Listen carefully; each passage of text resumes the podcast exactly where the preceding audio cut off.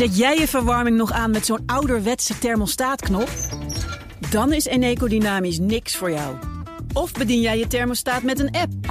Dan is Eneco Dynamisch misschien wel iets voor jou. Doe de test op eneco.nl slash test om te ontdekken of een dynamisch energiecontract bij jou past. Mensen helpen een bewuste keuze te maken. We doen het nu. Eneco. BNR Nieuwsradio. Boekenstein en de Wijk. Jan Postma. TTIP, TPP, CETA. Het zijn de minst populaire afkortingen van dit moment. Trump gooit de deur dicht voor nieuwe handelsakkoorden. Moeten wij dan op zoek naar alternatieven? Nou zegt Rob de Wijk, stop er gewoon lekker zelf mee. Ga je op China richten. Laten we ermee stoppen met het hele TTIP. Wat vindt u? Ja, kijk, dat TTIP dat zit in een uh, hele diepe vrieskist. En die vrieskist staat in een hele diepe kelder. Ja. Uh, ik zie het er voorlopig gewoon niet van komen. CETA is nog een sneakier bitch dan TTIP. Het is een belangrijk verdrag voor Nederland. The Trans-Pacific Partnership is another disaster. Zo'n handelsakkoord zorgt ervoor dat je veel makkelijker met elkaar handel kunt drijven. President Donald Trump has just signed an executive order to withdraw from the Trans-Pacific Partnership trade deal. Come together.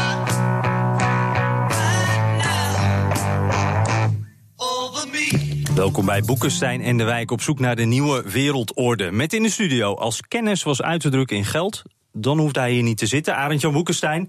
En zijn handelsovereenkomsten sluit hij op dit moment op de plaatselijke markt in Frankrijk. Rob de Wijk. Uh, vanaf afstand dus, jazeker. En te gast, hij weet elk onbegrijpelijke cijferreeks om te zetten in een boeiend verhaal. Econoom en journalist Matthijs Bouwman. Welkom Matthijs. Dankjewel. Uh, ja, Arend Jan, uh, in de wereldgeschiedenis draait het eigenlijk altijd om geld. Hè? Moeten wij misschien niet wat meer naar economen gaan luisteren in plaats van naar politici? Volgens mij draait het om macht. En is geld een onderdeel van macht. Ah, Oké, okay. dat is dan de nuance. Gaan we daar later even wat verder uh, op door. Ja. Matthijs Bouwman, uh, de twee belangrijkste handelsverdragen voor Europa en Nederland ook. TTIP en CETA. Uh, laten we even gaan kijken. Eerst even TTIP. Wat was het ook alweer en waar staan we nu?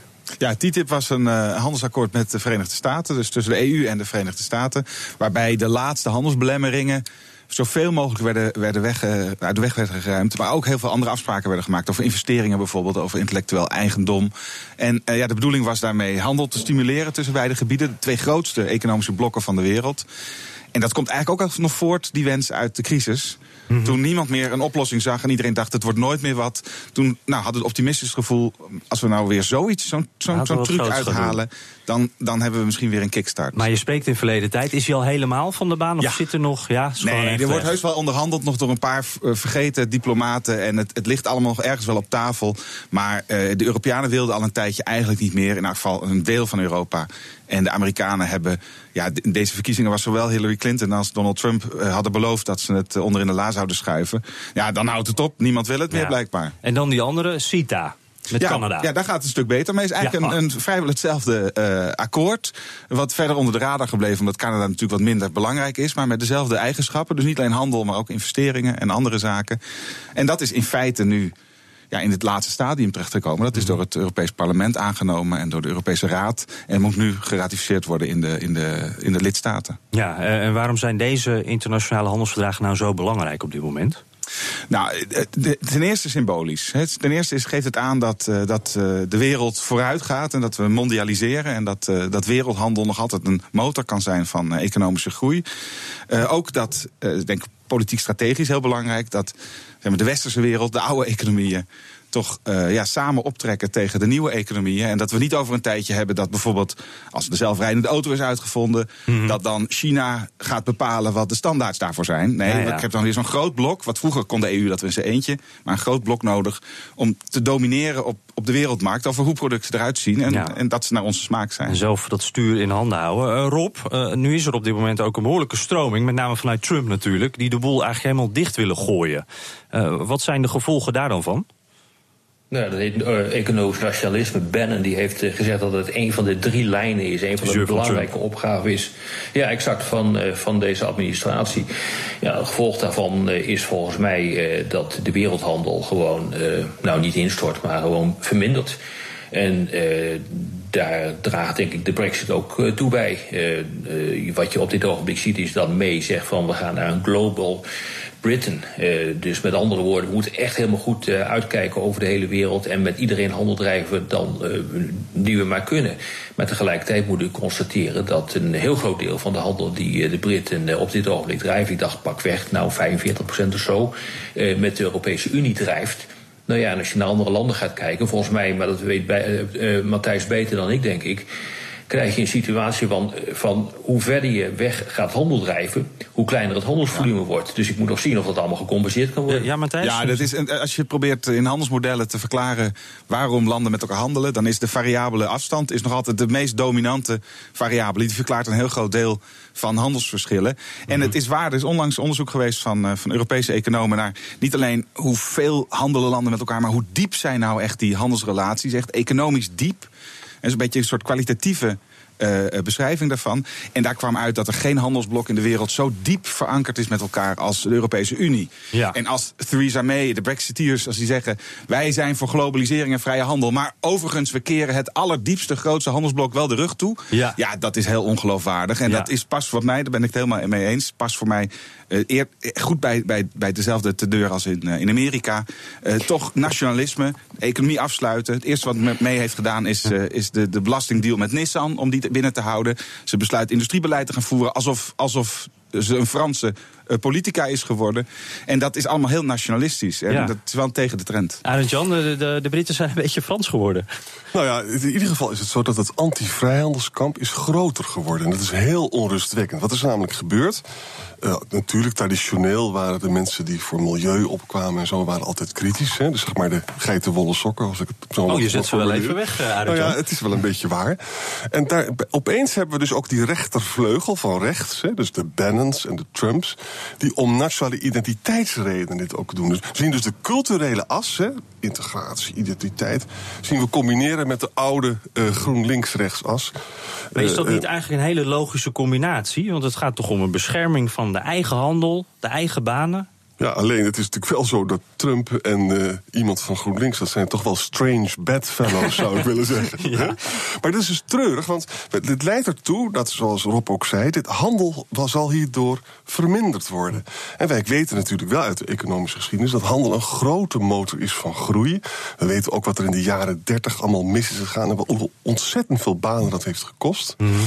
En uh, dus het, voor een liberaal, die, ziet dit tanden knarsend aan. tijden. Uh, maar Matthijs, om nog eventjes uh, Arend die zegt net van uh, ja, dan, dan, dan vermindert de handel, dat kost ook uh, de groei de kop. hoe werkt dat dan? Want ik zou denken, joh, we hebben allemaal ons eigen stukje, dat schermen we af. Dat kan toch best zo werken? Nou ja, zeker voor kleine landen natuurlijk niet, maar voor grote landen eigenlijk ook niet. Als je dat doortrekt, dan zou je kunnen zeggen: ik ga op mijn eigen erfje, met mijn eigen gezinnetje, ga ik wel zelfvoorzienend zijn. Want handel, internationaal handel is eigenlijk hetzelfde als de handel die je dagelijks doet. Die gaat om specialisatie. De ene doet dit, de andere doet dat, specialiseert zich erin. En dat is vanaf dag één dat de economie werd uitgevonden, nog voordat het geld werd uitgevonden, is dat de bron geweest van welvaartsgroei. Mm -hmm. Dat je mhm. specialiseert en met elkaar uitwisselt, met elkaar ruilt of handelt. Nou, dat geldt voor, voor individuen, het geldt voor bedrijven en het geldt zeker ook voor landen. En nou is er een soort inherent aan elk mens, en daar heb ik, trap ik mezelf ook op hoor, is er het gevoel dat internationale handel eigenlijk een soort gevecht is. Een gevecht om de taart. En als mijn stuk groter is, is jouw stuk kleiner. En dat is wat je terugziet bij Trump. Dat is eigenlijk een oerdrift die elke politicus wel ergens voelt. Maar die niet klopt met de, nou, met de handelstheorie, maar ook niet met de handelspraktijk. Het blijkt dat als je samenwerkt, dat je samen de taart groter kunt maken. Dat je allebei ja. een groter stuk krijgt. En wat er zelfs bij komt, is dat er zoiets moois. Het hele, die hele theorema van die arbeidsspecialisatie. Zelfs als land A alles duurder maakt dan land B, dan kan je nog wiskundig berekenen ja. dat iedereen er beter wordt. Het gaat niet om de absolute kostenverschillen, maar het gaat om de relatief. Iedereen moet gewoon doen waar die relatief het beste in is. Ja, nee, dat klopt. Uh, Rob, maar die, maar dit is natuurlijk een. Uh, sorry, sorry, Rob. Dit is natuurlijk een hele grote groep nee, die niet profiteert van die vrijhandel. Hè. Kijk naar die verkiezingen in Amerika. Mensen raken hun baan kwijt, fabrieken sluiten. Het systeem werkt niet voor iedereen. Ja, maar dat is absoluut uh, een feit. Uh, en dat geldt natuurlijk ook gewoon in Nederland. Dus je hebt gewoon verliezers van de, de globalisering, zoals dat uh, heet. Dat is ook een van de redenen waarom die populistische partijen opgekomen zijn. Maar er is denk ik een heel ander belangrijk argument op dit ogenblik om die handelsverdragen toch door te laten gaan. En dat is het geopolitieke argument. Er is net ook al even op gewezen. Uh, opkomst van China. Uh, je zult een vuist moeten maken. En dat betekent dus dat dat geopolitieke argument om samen iets te gaan doen buitengewoon uh, belangrijk wordt. Nu is het mij opgevallen, maar misschien heb ik iets over het hoofd gezien. Weet Matthijs dat. Dat Trump tot nu toe niet de aanval op TTIP heeft uh, ingezet. Hij heeft met veel bombarie uh, heeft hij, uh, dat TPP, dat Trans-Pacific Partnership, heeft hij ons geholpen. maar dat geldt niet voor het partnerschap ja. over de Atlantische Oceaan. Dat is niet blijft een beetje stil dat inderdaad. Dat is ja, toch opmerkelijk. Nee, daar hoeft hij nee, ook niet echt iets voor te doen. Hè? Want dat TPP dat moest, dat moest, eigenlijk, nou, dat moest echt worden afge, afgeblazen. Dat lag gewoon klaar. Om, Japan had het al geratificeerd, dus daar moest hij echt iets doen. En voor TTIP, ja dat is in een, in een onderhandelingsfase. Daar hoeft hij niet een decreet voor uit te vaardigen om daar verder Nee, niks dat aan te begrijp ik. Maar het is toch op zich buitengewoon merkwaardig dat een, een, een president die vooral anti-China is. En die vooral. Ja. En ook heeft gezegd: ik wil eigenlijk een handelsoorlog met China absoluut niet uitsluiten. En wat mij betreft uh, ga ik importtarieven hechten, uh, opleggen van pakweg 45 procent. Dat je als zo'n president niet TTIP probeert uit te onderhandelen om de dood eenvoudige reden dat je dan echt een uh, vuist kunt maken. Ja, nee, zeker. Zou dat nee, er niet dat zeker. kunnen zitten? Ja, nee, maar goed. Misschien houdt hij die opties open. Ik, ik verdenk dat je Ja. nu van veel te veel politieke subtiliteit verdenkt. Eh, ik, eh, ik denk dat hij zijn, eh, zijn battles kiest op dit moment. En eh, dat er niemand denkt in het Amerikaanse, in het Witte Huis of in de regering. Binnenkort gaan we TTIP weer eens, eh, weer eens tot leven wekken. Het, het zou me, het ja, het zou een hele leuke theorie, maar ik ben heel benieuwd. Ja. Ik, laat, me, Ja. laat me graag verrassen. Maar er is een additioneel, argument, voor, is een argument voor Rob's stelling. Namelijk, de, de- Poetin is niet meer zo vreselijk geïnteresseerd in Trump. Hè? Vindt Poetin, eh, Poetin vindt Trump zo erratisch. Nou, stel je nou eens voor dat dat verder verslechtert. Dan komt het, en dan wordt het toch wel, als je dan zo graag met China ruzie wil maken... waarom dan geen economische NAVO, zoals die TTIP Ja. ook heet, heten. Dus heel misschien is er nog een kans, maar dat lijkt wel heel erg dood te zijn. Hoor. Ja, want dat TPP, dat Trans-Pacific Partnership, dat was natuurlijk nog veel geschikter om een vuist te maken tegen Ja. China. Dat was daar zelfs voor bedacht ooit. Iedereen mocht meedoen, behalve China. En toen hij, de, de inkt was nog niet droog van zijn decreet om het, eh, om het af te schaffen. En die landen gingen alles naar China bellen, inclusief Australië, om te vragen of uh, toch niet zaken viel te doen. En dat was voor China Ja, maar was het dus een geschenk, was het dus. Hè? China wordt Ja. dus nu die leider van, hoe heet het ook weer, die regional, die RCEP. Ja. Regional Comprehensive Economic Partnership. Daar zitten dus India en China in. Terwijl dus bij, bij TPP, daar zat China niet in. Dus, dus Trump heeft zomaar iets weggegeven wat heel kostbaar is eigenlijk in onderhandelingen. Ja, symboolpolitiek, denk ik. eh. Ja. Mag, ik mag nog even iets zeggen Ja, over, die, zeker. over die, dat idee van die verliezers? Want we doen altijd wel heel makkelijk dat er zoveel verliezers zijn van globalisering. Nou, ten eerste eh, denk ik dat dat op lange termijn eh, erg meevalt. Ik denk dat er bijna niemand is in Nederland die verlangt terug naar de tijd van net na de oorlog toen de grenzen dicht waren. Niemand zegt van ja, dan was mijn familie rijk geworden als we dat zo hadden gehouden. Ten tweede eh, kun je wel degelijk iets doen aan ongelijkheid die er eventueel ontstaat door globalisering. En Nederland is het voorbeeld. Wij zijn het meest geglobaliseerde land ter wereld. En we hebben eigenlijk al 15, 20 jaar lang geen ver- verandering van onze eh, inkomensongelijkheid gezien. Dus het kan wel degelijk, maar moet je maatregelen nemen. Moet je een beetje nivelleren. Moet je af en toe PvdA in de regering hebben. En ten derde... Als Zo kan het stemadviesje nou, nee, hoor, nee, nee, nee, we hebben we net gehad. Hè. We hebben flink geniveleerd de afgelopen jaren. Nu En- kan en- het weer even anders. ja, en ten derde, als je kijkt naar Amerika, wat er gebeurt met de, met de industrie daar. Niet globalisering, niet buitenlandse handel heeft gezorgd voor minder banen in Detroit, maar robotisering. Die fabrieken zijn gewoon geautomatiseerd. Ja, dat lijkt me eh, Ja, ook een duidelijk inderdaad. Maar, maar, maar daar heeft Matthijs natuurlijk helemaal gelijk eh, eh, in. Maar ik denk dat dat het punt niet is. Het is de perceptie van mensen Ja. eh, dat banen verdwijnen. Of dat nou robotisering is, of dat het verdwijnen is eh, van banen. Eh, je hebt die hele discussie over secular stagnation. Dus eigenlijk een stagnatie van de economie die al lange tijd eh, gaande is. En we juichen nu voor 2% economische groei. Maar wat is dat nou? Die kan ook zo weg zijn. Als we behoorlijk hard worden getrokken, eh, getroffen door de effecten van de brexit. En je hebt dus een hele groep mensen, ook in Nederland... die hun inkomen de afgelopen jaren gewoon helemaal niet hebben zien stijgen. Dat is het punt. En als je dan komt met het argument, ja, maar vroeger was het veel slechter. Dan zeg je, ja, bekijk het maar. Mijn vroeger is vijf jaar geleden. En toen was het, eh, en toen was het beter dan nu. Dus eh, het, is, het is absoluut juist dat objectief gezien het niet klopt. Maar in de perceptie, eh, in het gevoel van mensen klopt het wel degelijk. Ja, verschillende waarheden op dat eh, vlak dus. En het ergste zijn natuurlijk buitenlandse robots. Dan pak je alles in één keer. Eh, zo nog, de leider van de Free World is niet zo van die vrije handel. Hoe moeten wij als Europa omgaan met de prins van het protectionisme? BNR Nieuwsradio. Boekenstein en de Wijk. Als Amerika een handelsmuurtje optrekt, wat moeten wij dan? Dit is Boekenstein en de Wijk. En het programma is natuurlijk niet zonder Arendtje Boekenstein en Rob de Wijk. Die laatste vanuit eh, Frankrijk deze keer. En onze gast, onze eigen cijferfluisteraar Matthijs Bouwman. Matthijs, om meteen even met jou te beginnen. Um, dat isolationisme van Trump, hè, hoe moeten wij daarmee omgaan? Wat is daar het goede antwoord op? Nou, Europa heeft altijd de neiging om dan een beetje mee te buigen... en een beetje uh, ja, braaf, braafrikje te spelen. Beetje slap ook, toch? Ja, en dat is ook omdat we natuurlijk altijd verdeeld zijn. De belangen zijn verschillend als het gaat om handel met Amerika. Ik denk dat Nederland een van de eerste is die, die door de knieën gaat als het gaat om handelen met, met, met, de, met de VK of met Amerika. Maar wat je moet doen, daar is gewoon net de theorie over. Er zijn experimenten mee gedaan. Wat moet je doen als je een samenwerking hebt en een van de partijen die, die cheat, hè, die, die, die, die, is een onderkruiper. -hmm. Er is maar één ding wat je moet doen, is terugslaan. En dat klinkt heel erg hardvochtig, maar dat is een rationele strategie. Dus als zij met handelsbelemmeringen komen, moeten wij ook met handelsbelemmeringen komen. En dan? En daarbij, daarbij, daarbij meteen vertellen, zodra jij eens terugdraait, doen wij het ook. Dus je moet hardvochtig zijn en vergevensgezind. Tit voor tat, he, oog ja. om oog.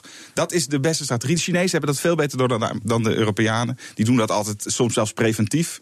En, en hoe dat, zou dat er dan concreet uit kunnen zien? Kan nou, dat is, dat is wel vaak gebeurd. En dan zeggen de Amerikanen, jullie mogen bijvoorbeeld geen Europees staal mag er meer naar ons toe komen. En dan zeggen ja. wij, nou, dan mogen er geen Harley Davidsons meer naar, naar, naar, naar ons toe komen. Ja. Dan zoeken ze vaak een staat uit waar de senator die dat heeft, heeft, die wet heeft gemaakt uit vandaan komt. En dan zoeken ze daar een uh, leuke industrie die daar, die daar juist last van heeft. Ja. En dan gaan we daar. Uh, het, is vrij, het is allemaal vrij ruig. Het is allemaal niet inhoudelijk. Maar ik ben bang dat dat wel de beste strategie ja, is. Arend Jan, hard aanpakken en dan ook meteen uh, vergevensgezind zijn. Nou, kijk, behalve dus tit voor tat, maar dan wel vergevensgezind, is het ook natuurlijk altijd verstandig om een beetje te flirten met China. Want daar wordt Trump natuurlijk toch wel nerveus van. Hé, hey, wat gebeurt hier? Je maakt jezelf aantrekkelijker voor Trump hè, als Europa, als je ook een beetje met China praat. Hey, en Rob, ja. uh, we hoorden net natuurlijk, uh, we weten het ook, Europa is een beetje verdeeld. Kunnen wij dan wel zo'n vuist maken?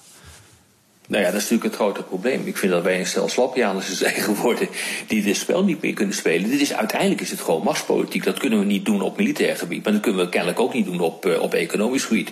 Maar ik vind dat Arend Jan absoluut een punt heeft. Uh, richt je in ieder geval een woord op, uh, op China. En kijk dan wat er vervolgens gebeurt. Want daarmee heeft Trump precies dat bereikt wat hij niet wil bereiken. Namelijk dat China feitelijk meer in, het, in de spotlight komt te staan. Dus je zit echt wel een groot probleem voor, voor Trump als hij dit gaat doen. Maar mijn vraag is ook eigenlijk aan Matthijs. Wat gaat er nou gebeuren als je dit daadwerkelijk gaat doen? Hè? We hebben dit gezien in de jaren 30 met de Smooth Hawley Act. Ja. waar de Amerikanen... Nou, dat was, een, uh, dat was een wet die eigenlijk gewoon het protectionisme bij wet vastlegde en leidde tot een handelsoorlog met Europa. Die heeft uh, destijds uh, de recessie of de depressie verlengd en verdiept. Wat gaat er gebeuren als wij uh, nu weer zo'n handelsoorlog zouden gaan ja. krijgen met de Verenigde Staten? Matthijs, zijn dit een beetje de jaren 30 op dat punt? Nou, als, ja, ik denk dat die handel veel intensiever is nu nog uh, dan het in die tijd was. Je kunt ook zeggen, in de jaren 30 hadden we eerst een financiële crisis. Die was eigenlijk alweer een beetje aan het voorbijgaan. En toen kwamen die ja. protectiemaatregelen. En toen begon de depressie. Dus je kunt zelfs een punt maken dat het daardoor kwam. Maar ja. wel die, die, die handelsbelemmeringen waren een reactie op die uh, financiële crisis. Dat lijkt heel erg op, op, op wat er nu gebeurt. Mm -hmm. Alleen dan is het nu erger. Want die handels verbindingen zijn veel sterker. Vooral ook binnen bedrijven. Hè. De, de, wereld is nu is een soort fabriek geworden waarin bedrijven stukjes laten produceren in verschillende landen. Multinationals zijn er helemaal op ingericht. Ook de beurswaarde van multinationals is gericht op een soepel verloop van die internationale handel. Plus nog eens een keer een, een just-in-time leverantie. Dus niemand heeft ja. ook voor, voorraden.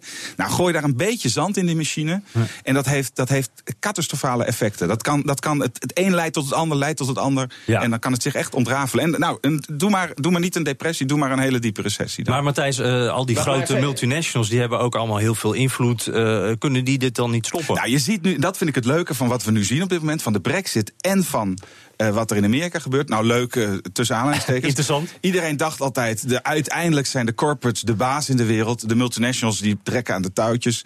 Dat is dus niet zo. We hebben nog altijd democraties waar mensen hele domme dingen kunnen beslissen. waar dan de multinationals niks tegen kunnen doen. En die gaan als zich vervolgens ook helemaal schikken. Dat zie je wat Ford doet, dat zie je wat Nissan doet. Schikken naar de ja. nieuwe politieke moraal. Nou, een tweetje. Ja, nee, maar dit precies. En, en, en, die, en die zijn dus veel, veel, wel misschien wel machtig, maar ze zijn ook heel erg meegaand. En, ja. en ze domineren toch niet het debat. Het is, bela het is, belangrijk om naar Duitsland te kijken. De Duitse export naar China is nu groter dan de Duitse export naar Amerika. Oh ja? Nou, wat, wat het grote probleem van onze handel met China is dat wij daar niet kunnen investeren zonder lokale partijen. Terwijl China dus bij ons alles kan doen en in Amerika ook machiavellistisch gedacht zou je dus nu kunnen hopen van... nou, als het dus echt misgaat met Trump... dan gaan we flirten met China en dan zeggen wij... wij vinden je geweldig en wij willen wel een investeringsdeal sluiten. Daar onderhandelen ze overigens nu ook over. Als je dat er zou kunnen uitslepen... Dat maar ik vind, kijk, Trump is natuurlijk China light, hè? Ja. Want de Chinezen zijn nog veel opportunistischer, Absoluut. mercantilistischer, met hun eigen strategie met hun eigen belemmeringen, spelen het spel heel oneerlijk. Maar we, dus, maar we ja, hebben kansen om... Het is strategisch slim, ja. maar ik, ik vertrouw de Chinezen op dit, op dit gebied nog minder dan, uh, dan het Amerika van Trump. Kunnen wij ons eigenlijk Nou, zo aansluiten bij nou, de... wat- Oh, sorry Rob, ga jij eh, even... Wat, ja, maar wat is daar de conclusie dan uit, eh Matthijs? Eh, dus inderdaad, eh, we vertrouwen de Chinezen niet. Het is inderdaad ontzettend moeilijk om eh, te investeren in dat land, om echt goed handel mee te drijven. Ondanks dat ze op dit ogenblik zeggen te streven naar een grote vrijhandelszone. En er discussies ook zijn binnen de Europese Unie om zich daar mogelijkerwijs eh, bij aan te gaan sluiten. Maar wat zijn nou de consequenties hiervan? Dus aan de ene kant hebben we die Trump, die daar een achtelijk beleid zit te voeren van protectionisme. De Chinezen zijn mercantilistisch. Wat moeten wij nou doen? Nou, ik denk dat je terug moet gaan naar waarom uh, die internationale handel ooit is begonnen. En dat is omdat het uit, uit wederzijds belang. En niet omdat we het elkaar zo aardig vinden, niet omdat we dezelfde politieke visie hebben, maar gewoon omdat we allebei goed aan verdienen. En ik, ik denk dat uiteindelijk dat de argumenten zijn, maar ja. Ieder op zijn eigen manier natuurlijk, die ertoe leiden dat het toch wel weer goed komt. Want het is wel heel duidelijk en sterk en nu bewezen technologie, zeg maar, dat internationale handel leidt tot welvaart. De emotie in Amerika, die over, overstijgt dat nu. De Britten die zijn in verwarring of ze nou wel of niet globalistisch willen zijn. De Europeanen weten het ook niet meer precies. Maar ik denk toch, maar ik ben misschien iets te optimistisch, dat die, die, rationele kracht van we kunnen er gewoon heel rijk van worden, dat dat toch uiteindelijk wel sterker is. En Matthijs, Nou je ja, wil ook maar nog even... moeten we daarvoor eerst dus door, een diepe, door een diep dal uh, heen gaan.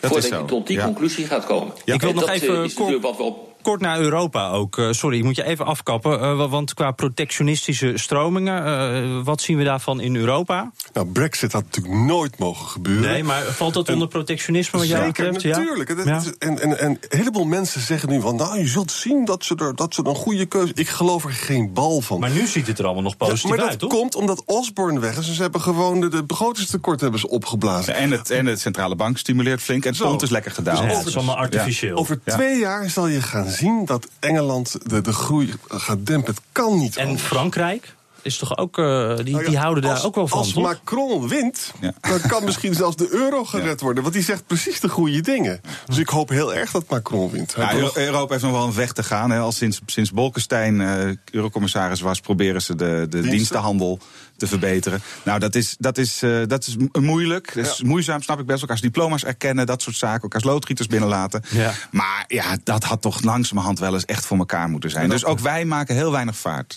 Ja, dat had heel veel heel banen opgeleverd. Zeker. Uh, Matthijs, waarom is dit eigenlijk niet een grote thema bij deze verkiezingen? Het is toch een heel belangrijk onderwerp. Nou, omdat economie helemaal geen thema is bij deze verkiezingen. Dat het- the economy stupid. Ja, dat niet, als het iedereen weer altijd. goed gaat. Het Ah, is oké. heel, na- heel nadelig dat voor economen is het heel nadelig dat deze verkiezingen anders dan in 2012 niet in crisissfeer plaatsvinden. Want het gaat over vage dingen als nationale identiteit en immigratie en moeten we wel of niet uit de euro? Niet natuurlijk, dat gaan we ook helemaal niet doen. En de echte economische thema's zoals pensioenhervorming, belastinghervorming, arbeidsmarkthervorming, maar ook hoe Nederland zich opstelt ten opzichte van die, eh, die nieuwe protectionistische wind. Ja, dat speelt, speelt geen rol, want de mensen maken zich blijkbaar niet genoeg zorgen om. Nee, uh, Rob, dus uh, toch ietsje meer richting de economen en wat minder richting die politici, uh, als ik het zo hoor. Nee, kijk, aan de andere kant is het, het woord soeverainisme ook uh, van toepassing op nogal wat partijen in, in Nederland. Soeverainisme betekent feitelijk dat je eigenlijk je land wil runnen zonder, runnen zonder enige invloed uh, van buiten en het aantal uh, handelsverdragen minimaliseer, minim, wilt minimaliseren. En we hebben natuurlijk gezien wat er met CETA is gebeurd. Het handelsverdrag tussen de Europese Unie en, en Canada, dat is door het Waalse parlement mooi terzijde geschoven. Dat heeft natuurlijk met wat kunst en vliegwerk is dat weer op de rails gekomen. Maar desalniettemin, Oekraïne-verdrag is door Nederland af, afgestemd. nogal wat partijen maakten absoluut een punt van dat ze uit de Europese Unie willen willen uit de euro. Gaat inderdaad allemaal niet gebeuren. Maar het werkt wel enorm vertraagd. Het heeft wel echt een enorme effect ook op de verkiezingen die op dit ogenblik uh, gaande zijn. Hey, Rob, probeer ik toch een beetje positief te eindigen met al het optimisme van Matthijs Bouwman. Maar dan kom jij er toch weer eventjes ja, zo het is tussendoor. Economisch, ja, maar het is economisch en het is politiek natuurlijk. En dat politieke, dat populisme, dat is nationalistisch, dat is soevereinistisch, eh, dat is protectionistisch. Ja, dat een... speelt op dit ogenblik wel degelijk een rol. Het een niet zonder het ander. Van onderen!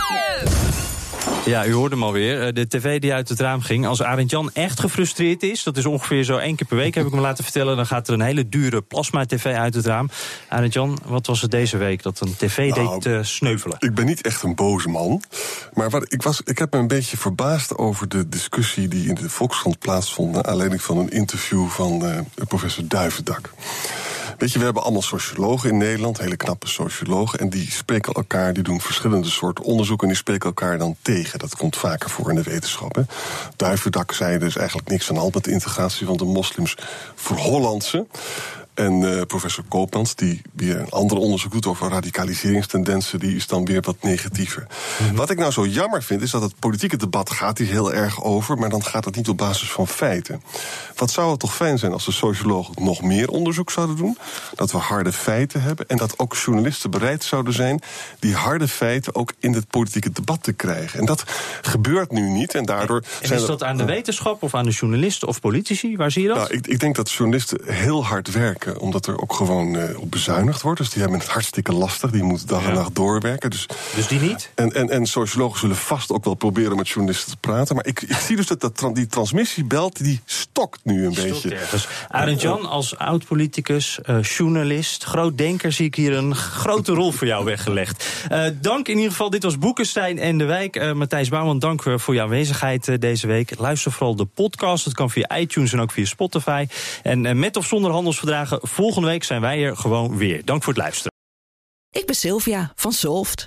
Betaalt u te veel huur of huurt u te veel kantoorruimte? Solft heeft de oplossing. Van werkplekadvies, huuronderhandeling tot een verbouwing, wij ontzorgen u. Kijk voor al onze diensten op soft.nl.